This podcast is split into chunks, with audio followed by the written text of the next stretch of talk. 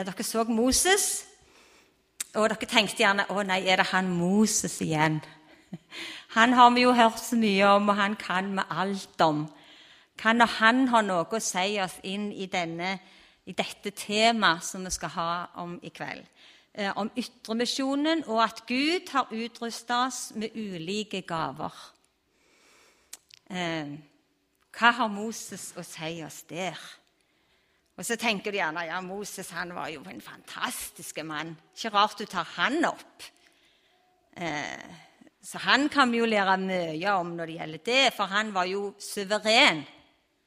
Ikke sant? Han var jo leda en hel nasjon ut av Egypt, og han, han, han var liksom lederen. Og Bibelen omtaler han også som det. Men der som vi traff han nå, nettopp, som dere så på, på, filmen her, der var det en, en litt annerledes Moses vi så. Og det, det oppdaget du gjerne òg. Han var redd, han skalv, han var ydmyk, han var liten, han krøyp i sanden, i støvet. Han var absolutt ingen eh, verdensmester, hvis vi kan si det sånn. Og nå er jeg allerede egentlig midt i det jeg har tenkt å si. For Gud han, han, han kaller ikke på verdensmestere. Han, han, ser egentlig ikke på, på noe av dette her. Men han kaller mennesker. Han kaller vanlige mennesker. Det gjør hans oppgave. Og, og når, du så Moses her eh, så, så, egentlig så var han en morder på rømmen. Sant? Eh, han er 80 år gammel.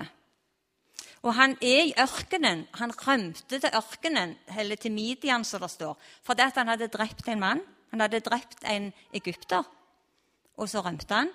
Og nå har det gått 40 år. Han er anonyme. Han bor i ørkenen. Han har funnet seg kone. Han bor hos svigerfaren, han Jetro. Og han har ei, ei kone, og han har unger. Og han eh, bor i ørkenen og har det egentlig kjempegreit. Anonymt og en vanlig mann. Og, og jobber med sauer, geiter. Vanlig jobb. Vanlig dyrke på den tida. Han lukter sau, lukter geit. Han har lagt av seg hovepynten fra Egypt. Han var jo en gang prins. Fantastiske fyr.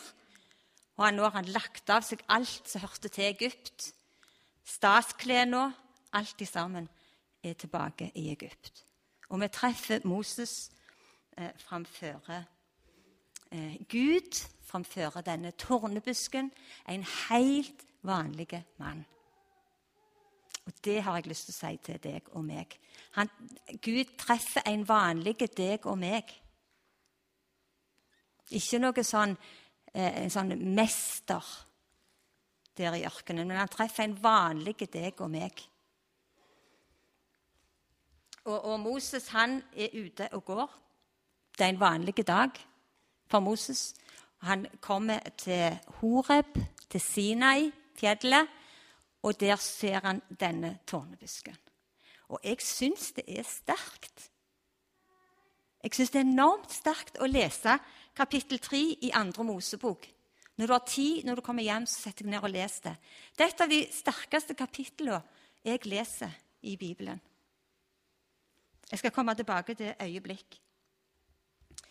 Eh, men, men, men, det òg tenkte jeg at Gud kommer på en måte uten forvarsel. Hadde, nå var det gått 40 år i ørkenen. Og han hadde levd 40 år i Egypt, så han var egentlig 80 år. Og nå kom han en, helt uten å gi beskjed på forhånd. Og så, Det òg er litt Gud. Mye Gud. Han kommer plutselig. Det slår liksom ned i dag. Jeg vet ikke om du venter på at Gud skal tale til deg. Jeg vet ikke om du venter om du er her, om du har en forventning til at Gud skal møte deg. Du er jo et vanlig menneske, sier du. Han kan jo ikke treffe meg. Men Gud gjør det. Han kommer, og han treffer vanlige folk. Han kommer uten forvarsel, og han ønsker å tale med deg. Og så gjør han det her. Og Moses ser en busk som brenner. Det er masse tornebusker, men Moses ser det er én som brenner. En spesiell busk som brenner. Da åpenbarte Herrens engel seg for ham i en flammende ild midt ut av en tornebusk. Han så opp, og se tornebusken sto i lys lue, men tornebusken brant ikke opp. Moses sa, 'Jeg vil gå bort og se dette underfulle synet, at tornebusken ikke brenner opp.' Da Herren så at han kom bort for å se, ropte Gud til ham midt ut av tornebusken og sa, 'Moses, Moses.' Og han svarte, 'Ja, her er jeg.'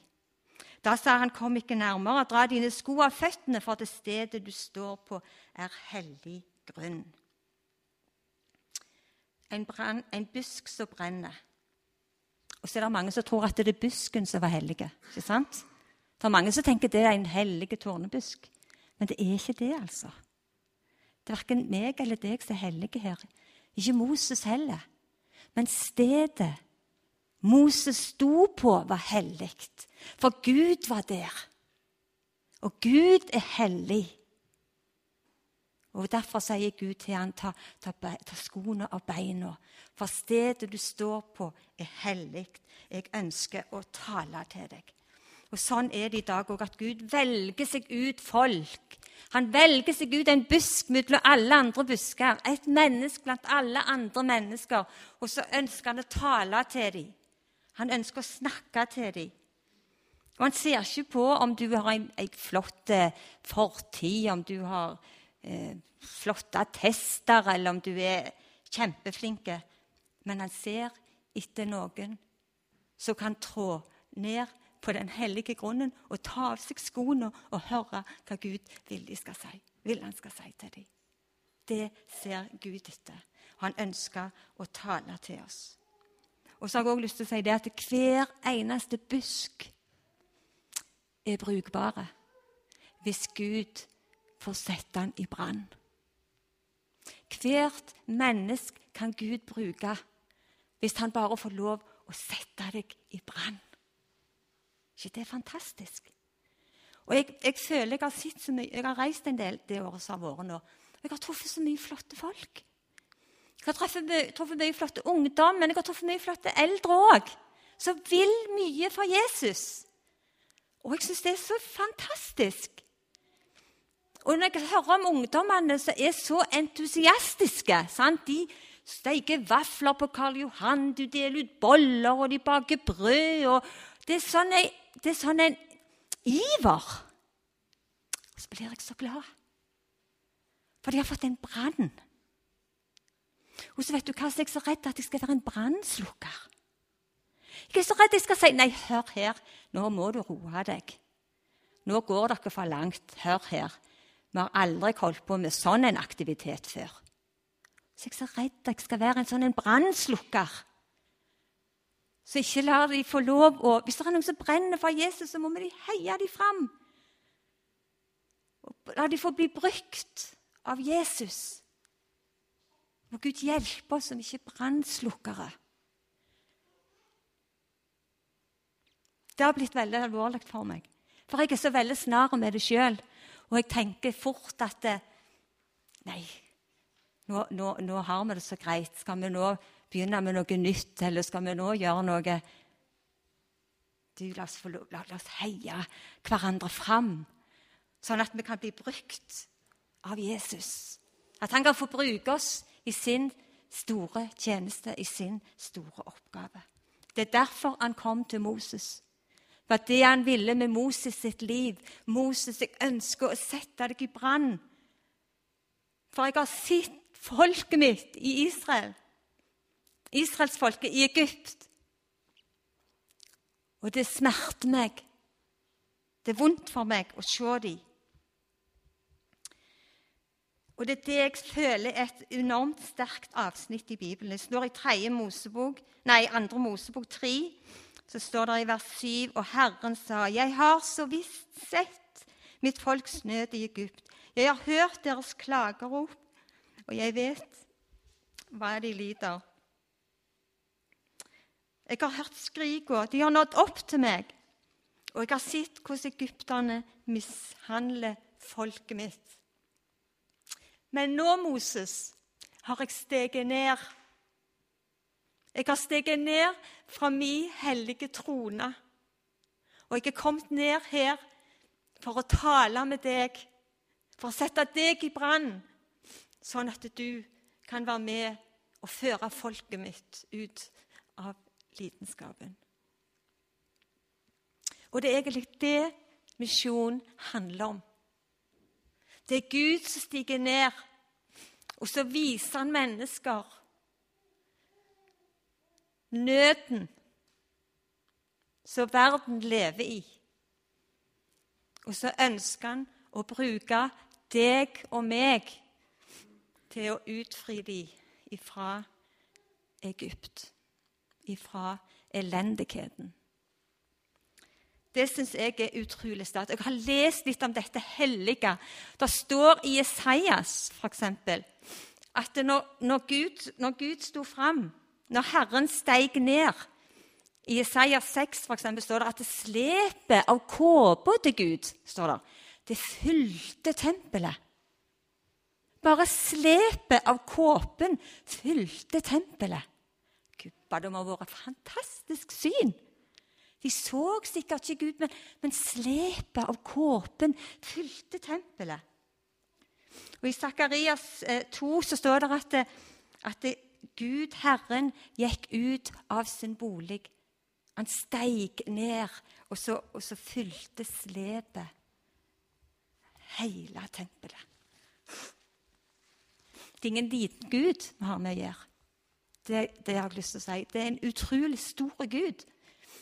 Og, og, tenk at han kommer, og han ønsker å snakke med deg og meg, som er vanlige folk. Og han ønsker å bruke deg og meg til å fri folk ut av deres elendighet. Og Nå kunne jeg sagt, sagt mye om akkurat det, både ute og hjemme.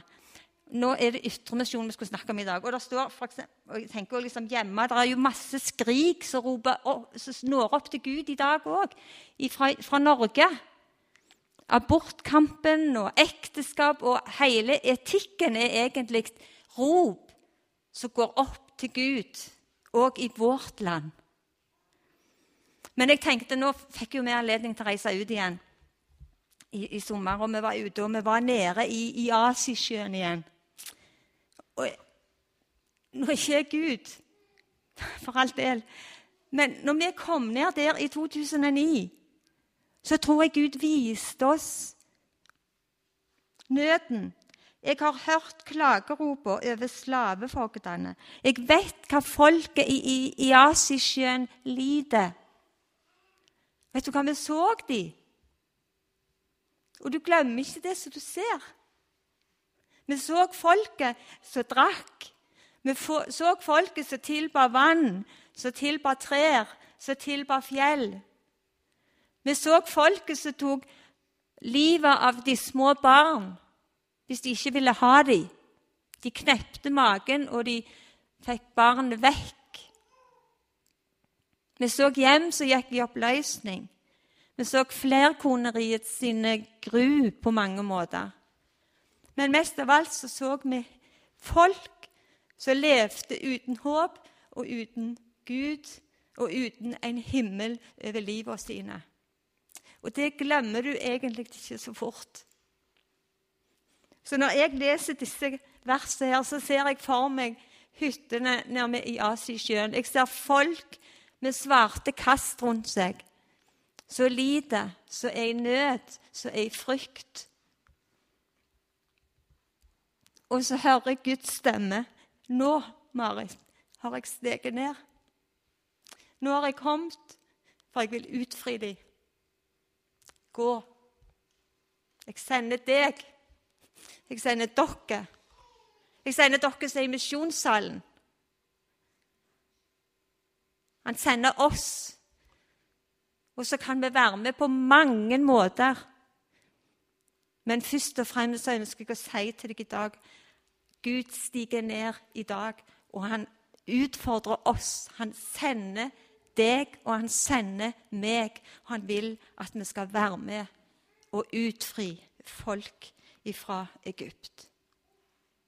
Vi var der nede nå Jeg sa bitte litt om det.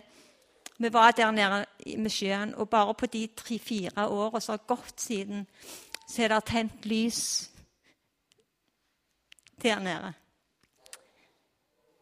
Så når Gud stiger ned, og når Gud får røre med noen, så skjer det mye. Og de evangelistene som står der nede, de, de, er, mange, de er litt sånn Moses. De brøyt opp fra sine hjem oppe med trygge heidomområdene. Og så sykla de ti mil for å være nærme i Asisjøen for at folk skulle få en himmel over livet sine. Er ikke det fantastisk? Det skjer når Gud får røre og snakke med vanlige mennesker. Og når han får sette folk i brann for han, da skjer det. Da er det folk som reiser seg opp, og så går de. Og så er de med og forteller verden om Jesus. Fantastisk. Moses lå og hørte, og han var i sjokk. Selvfølgelig var han i sjokk. Og han kom med mange argument. Jeg har fire argument som jeg har tenkt å si to minutter om hver. Først så sier han Hør her, Gud. Du kan jo ikke mene dette. Jeg, hvem er jeg at jeg skulle gå til farao? Hvem er jeg at jeg skal gå til farao, at jeg skulle føre Israels barn ut av Egypt? De kommer til å spørre meg hvem er du altså, hva er det du tror du er. Og hvem er det som har sendt deg? Hvem er det som har sendt deg her? Hvordan skal vi tro på deg, liksom? Så svarer Gud han. Du skal si til dem at 'jeg er har sendt deg'. Med andre ord Moses, du har hele meg å spille på. Alt! Har hele meg å spille på. Bruk meg. Jeg, jeg er, har sendt deg. Bruk meg. Selvfølgelig skal vi det. Du og vi, vi har ikke svaret på alt, noen. Men han som sendte oss, han som er, han skal vi få lov å dra veksler på. Han skal vi bruke. I hans navn skal vi gå. Og han vil være med oss. Jeg er har sendt deg. Og så begynner han igjen. Nummer to. Men de vil ikke tro meg. De kommer ikke til å tro meg. Se, de vil ikke tro meg og ikke høre på meg. De vil si Herren har ikke åpenbart seg for deg. Da sa Herren til ham, Hva har du i hånda di? Jeg har en stav, sa Moses. Ha, en stav. Bruk den, sa Gud. Bruk staven. En trestav, ikke sant? Men vet du hva? Når Gud får røre med det du har, så kan han gjøre utrolig mange ting. Når han får bare røre med det. Med alt du har, tingene dine, med det du har hjemme, med evnene dine, ressursene dine.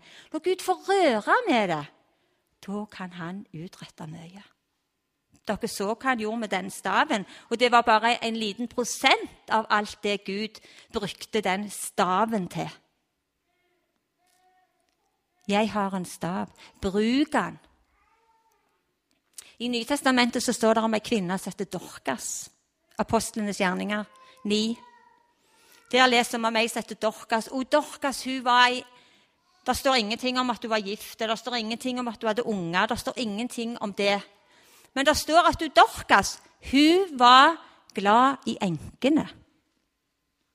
For i, i, der som hun bodde, i Joppe, i Jaffa, der var det, det var rett med grensa med havet. Og det var mange sjøfolk som for ut på havet, og som omkom på havet. Derfor var det mange enker i Jaffa. Og hun Dorkas hun tok seg av enkene. Og det står om henne òg at for Dorkas død Og så står det at Dorkas hun eh, ble lagt opp på en sal, og så henta de Peter. Og så kom Peter, og så sto enkene rundt og grein. Og så sa de vi er så lei oss for Dorcas er død. For se alt det fine hun har sydd og lagd til oss. Hun har gitt oss så mange klær, sydd kjortler til oss og hjulpet oss. Vet du hva jeg tror? At Gud kom til Nadorkas. Jeg tror han kom der på den hellige grunnen. Og så snakket han med Dorkas, og så tente han en brann i Dorka sitt liv. Og så sa han til henne, 'Jeg vil bruke deg.' Du ser alle enkene her, hvor vondt de har det. Nå har jeg kommet dere, for jeg vil hjelpe dem. Og så vil jeg at du skal brukes i den tjenesten. Og så sa hun gjerne, 'Ja, men jeg har ingenting. Hva kan jeg gjøre?' Ikke gift. Jeg blir regna som en unge. Ingen som respekterer meg. Og så sa Gud, 'Hva har du i hånda di, Dorkas?' Ja, sa hun, 'Jeg har jo bare ei synål, jeg.' Hva bare ei syn? Bruk den. Dorkas. Bruk den. Og det står om Dorkas at Peter ba til Gud, og Gud reiste henne opp igjen, og det brøt ut en stor vekkelse på grunn av ei synål. Bruk det du har fått. Hadde ei gammel kvinne ute i Sekher i Pokot så ble jeg en kristen. Og jeg skal si ting ble forandra i livet hennes. Jeg kan ikke ta med hele historien. Rebekka, ei fantastisk, ei høvdingekvinne. Og Gud rørte med henne òg etterpå. Jeg skal si hun ble ivrig til å ønske å bli brukt for Jesus. Og hos, hos henne òg så kom det et spørsmål. Hva hun kunne bli brukt til. Hva hun kunne gjøre. Gamle damer etter hvert. Vet du, En dag så var jeg på vei opp i kirka i Stekær. En lørdag morgen.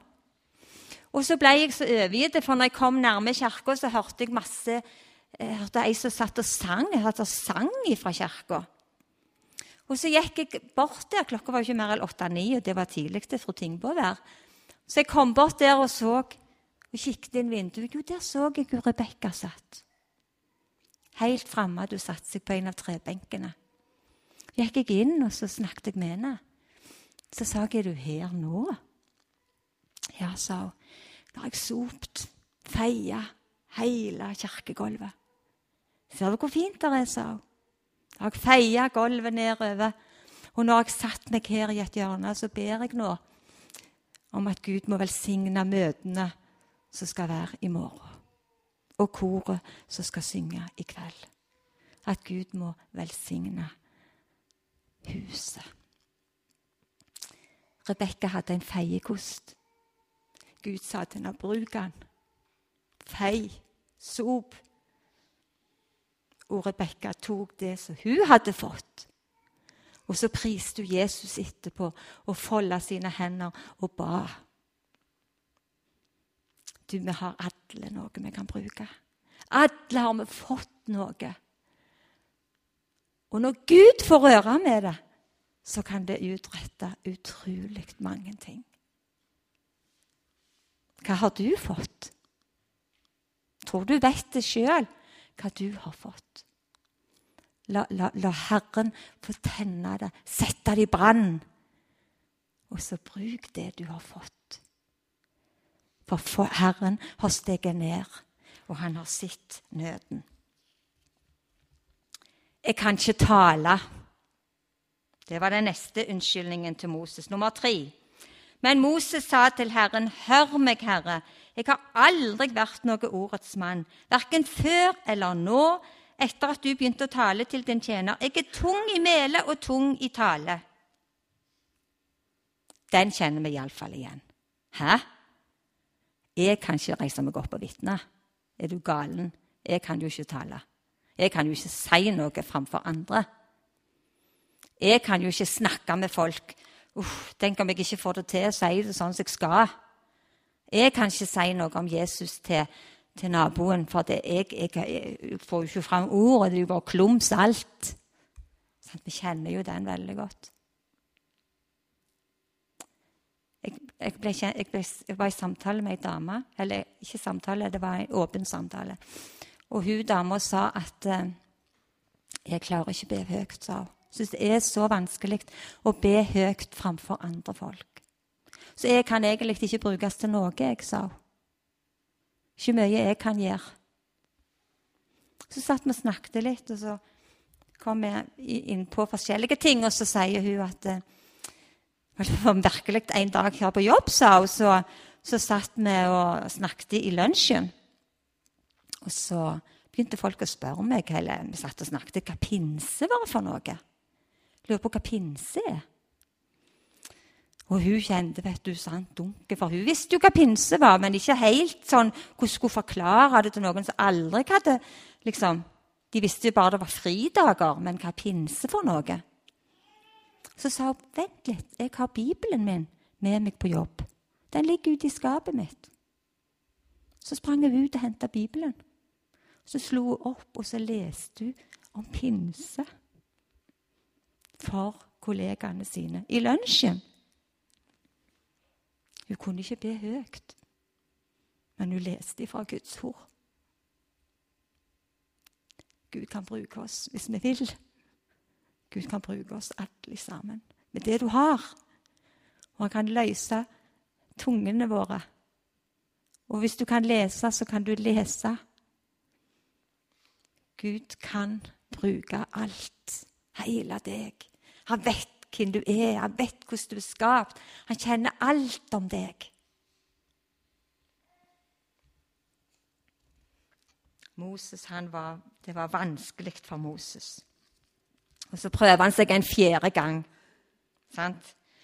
Å, Herre, dere så det på slutten. Send any, altså hvem som helst, men ikke meg. Åh, Kan du ikke gå til noen og Hva med noen misjonærer? De kan. Noen eh, predikanter, de kan gjøre dette her. De som har vært gruppeledere på UL i mange år, de må jo kunne veldig dette. Eller de som har spilt i komp her framme. De er jo fødte folk til å, å sende i sånne vanskelige oppdrag, Gud. Send alle andre, men ikke meg, sa Moses, som var 80 år gammel. Hadde allerede et helt liv bak seg. Hva hadde ikke han av erfaring og kvalifikasjoner? Så hadde vært 40 år på palasset i Egypt og lært om alt. Og nå hadde han vært i ørkenen i 40 år, alene i ensomheten med Gud. Han hadde kvalifikasjoner til de grader. Men han følte ikke at han kunne gå. Ta noen andre. Send noen andre. Så står det at Gud blir vred. står der. Guds vrede blir opptent. Og Han sier du skal få bror din med deg. Han Aron. Og nå vet ikke jeg helt hva det betyr. Jeg tror ikke alltid det er bra. Kanskje heller. At vi skal ha en med oss. Vi vet at det, Aron Det var ikke bare bra alt det Aron kom opp med. Tenker på gullkalven og flere ting som Aron aldeles ikke var heldig med. Men du skal få Aron med deg. Gå. Og så gikk han. Så gikk han. Gud har utrustet oss. Bruk det du har fått. Gå. Og så er det noe som jeg syns òg er utrolig flott.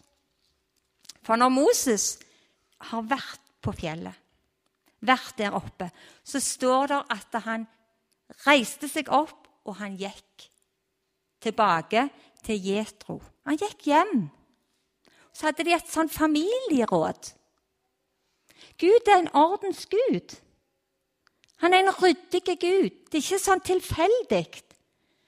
Moses gikk hjem til Jetro, og, og, så hadde de et sånn familieråd. Så sa han, 'Du, Jetro, nå må jeg bryte opp. Nå må jeg gå. Jeg må hjem til folket mitt.' Moses huska at han var en hebreer. Jeg må gå til folket mitt. Jeg må se hvordan de har det. Jetro, jeg må ha permisjon fra jobb. Ikke sant?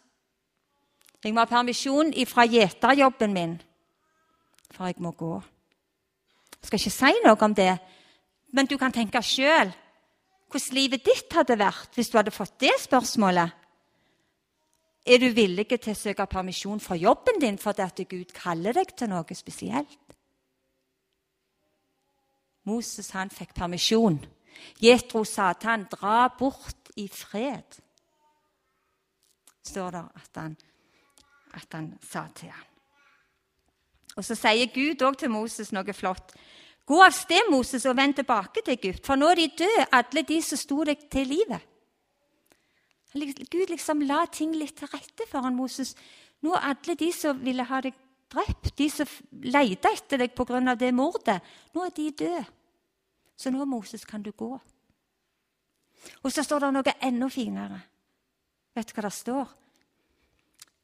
Da tok Moses sin kone og sine sønner, og han satte dem på et esel. Og så vendte de tilbake til landet Egypt. Det syns jeg er veldig sterkt. Når vi reiser i dag, så skal jeg si dere har mer enn et esel med oss. Det kan jeg si. Vi har tynner, og vi har alt vi trenger for en tjeneste hvor det enn er i verden.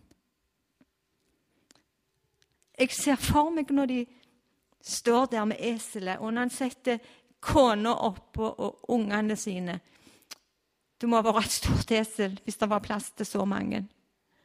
Og så gikk de. Fra det kjente, fra heimen, fra svigerfar og svigermor, bestefar og bestemor. Og så står det at de forlot det kjente, og så var de på vei inn mot noe ukjent. Og det er det som skjer i dag òg. Det er sånn det er. Det misjonerende valget, om du vil si, det er å gå fra det kjente og inn til noe ukjent. Men det står at Moses tok Guds stav i hånden. Han tok den staven som Gud hadde rørt med, den tok han med seg i hånda, og så gikk de. Se for deg det lille fyllet på vei ut fra det kjente og til det ukjente. Jeg husker i 1981 så var vi på en litt lignende ferd. Vi satt i en overlessa Land Rover. Vi skulle inn til Kjesta, til Pokot. Vi hadde tre unger med oss, tre små. De satt og holdt hverandre i hendene i baksetet. Det var ikke noe som het bilseter, men de satt tett i tett. Det var så trangt. Vi hadde sikkert falt en plass hvis noe hadde skjedd. Men i alle fall så var vi på vei inn til Kjesta. Og vi kom til ei elv. Det hadde vært regntid. Dette var i april. Det var vår første tur inn og det var regntid, og alle elvene gikk over sine bredder. Og den elva vi skulle over, der var det til vanlig ei bru, men den var foren. Den var røken i den regntida. Så vi kom ned der, og så ble vi stående foran den elva. Det var begynt å bli kveld, kveldinger, og vi skulle krysse den, oss fem. Og vi kjørte ut i elva og ble stående midt i og stoppet. Og jeg husker jeg ba til Gud at det, dette kan du bare ikke gjøre. Skulle bare reise, slutte her midt i denne elva. Ungene satt og holdt på hverandre. Leiv syntes det var tøft, sikkert. I alle fall så sto vi en stund, og så jeg tror jeg Gud hørte at vi ba, og så starta vi bilen igjen, og så kom vi over på sida. Andre sida, og så kom vi inn til Kjesta. I 81. Og jeg tror vi kan si at vi òg forlot det kjente, det trygge, Bestemor og bestefar, far og mor. Og så gikk vi ut i det ukjente. Gud kaller. Gud setter folk i brann. Han ønsker å bruke oss. Han ønsker å bruke deg, og han ønsker å bruke meg. Vi har fått mange flotte år i Afrika.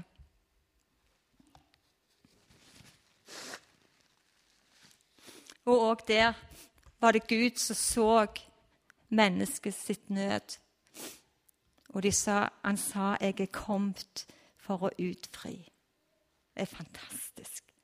Og det har han gjort.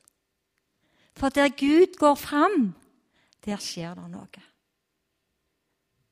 Der Guds ord får gå fram, der blir det forandring. Det er fantastisk. Så tok Moses sin kone og sine sønner og satte dem på et esel og vendte tilbake. Og nå er klokka blitt mye. Uff, da. Helt til slutt Nå skal jeg være veldig kjapp. Men det står at Moses etterpå, helt på slutten av sitt liv, så står det om Moses at han går opp på en topp. Sette, sette, skal vi se, Han heter Piskas. Piskas topp. 1500 meter over havet. Og så sitter han der på toppen, og så viser Gud han Kanans land. Helt på slutten av sitt liv så sitter, Gud, stå, sitter Moses der, og så ser han Han er blitt 120 år gammel, og så sitter han og så og så ser han utover i Kanans land, Jeriko. Og så står det det at Gud sa til han at her, Moses, er landet. De ett vil jeg gi dette landet til. Nå har jeg latt du få se det, men du, Moses, skal ikke få komme inn i det. Hva, Det syns jeg var så brutalt når jeg leste det. Tenk at Moses ikke skulle få komme inn i det flotte landet. Men så har jeg tenkt litt etterpå. For når, Moses hadde sagt, når Gud hadde sagt dette til Moses, så står det at Moses dør. Så har jeg tenkt gjerne Gud har sikkert sagt, 'Moses, her er landet.'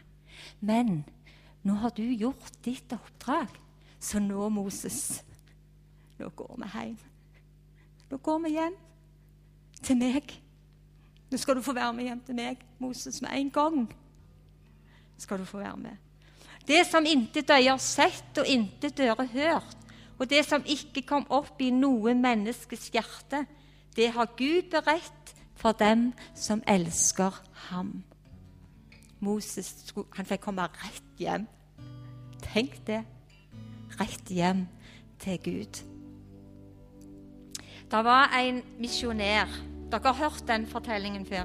Det var en misjonær som hadde vært i Afrika i mange, mange år. I 40-50 år. Og nå var han på vei hjem, og han skulle eh, hadde avslutta ute. Han var på båt, han reiste med båt, for det gjorde de den tida. Mange år siden. Da de nærma seg Amerika det var fra Amerika, når de nærma seg Amerika, så så han at det var så veldig mye styr og opptøyer på kaien. Så sa han, 'Hva er det som skjer?' Kanskje han tenkte og det er gjerne meg, sant? jeg har vært vekke så lenge. Kanskje de nå vil ønske meg velkommen. Så sa han ene til han at en der på mannskap Nei, vet ikke du at presidenten er på denne båten? Så nå er de kommet for at Han har vært en tur i Europa. Og han har vært, er på vei hjem nå. Han har vært ca. en måned i Europa. Så ble han litt lei seg, for å si det mildt. Og Han ble stående igjen på båten til presidenten fikk gå først. Det var rød løper, det var hornorkester, og de spilte. Presidenten kom til lands. Og når det endelig var hans tur å gå, så var det ikke noen rød løper lenger. Og tårnorkester, det var pakket sammen og gått hjem. Og det var en som gikk og feia gatene fordi det skulle rydde opp. ikke sant? Og han misjonæren han tok taska si og rusla. Han skulle være på et hotell og reise videre neste dag. Ingen som kom og tok imot ham. så fortelles det at han la seg på kne med senga. Og så sa han til Gud, Gud, hvordan kan dette være rett? Her har jeg tjent deg i et helt liv. Og presidenten har vært vekke i en måned og får den hyllesten og velkomsten. Hvordan kan det gå til? Og han grein, og han, han, han utøste sitt hjerte for, for Gud. Så fortelles det at Gud svarte han. Gud sa til han, 'Barnet mitt, husk at du er ikke hjemme ennå.' det er fantastisk? Du er ikke hjemme ennå. En dag så skal den røde løperen være klar. Og det skal være et kor som overgår alle kor, som ønsker oss velkommen hjem. Det skal være gater som er finere enn en rød løper. Og vi skal bli hilste velkommen hjem av Han som ønsker at alle skal bli frelst. Av Han som elsker først av alle. Av Han som døde for at verden skulle få del i evigheten. Vil ikke du være med på dette? Og være med sånn at det, en dag kan vi gå hjem til Jesus alle. Det håper jeg at du vil. Amen.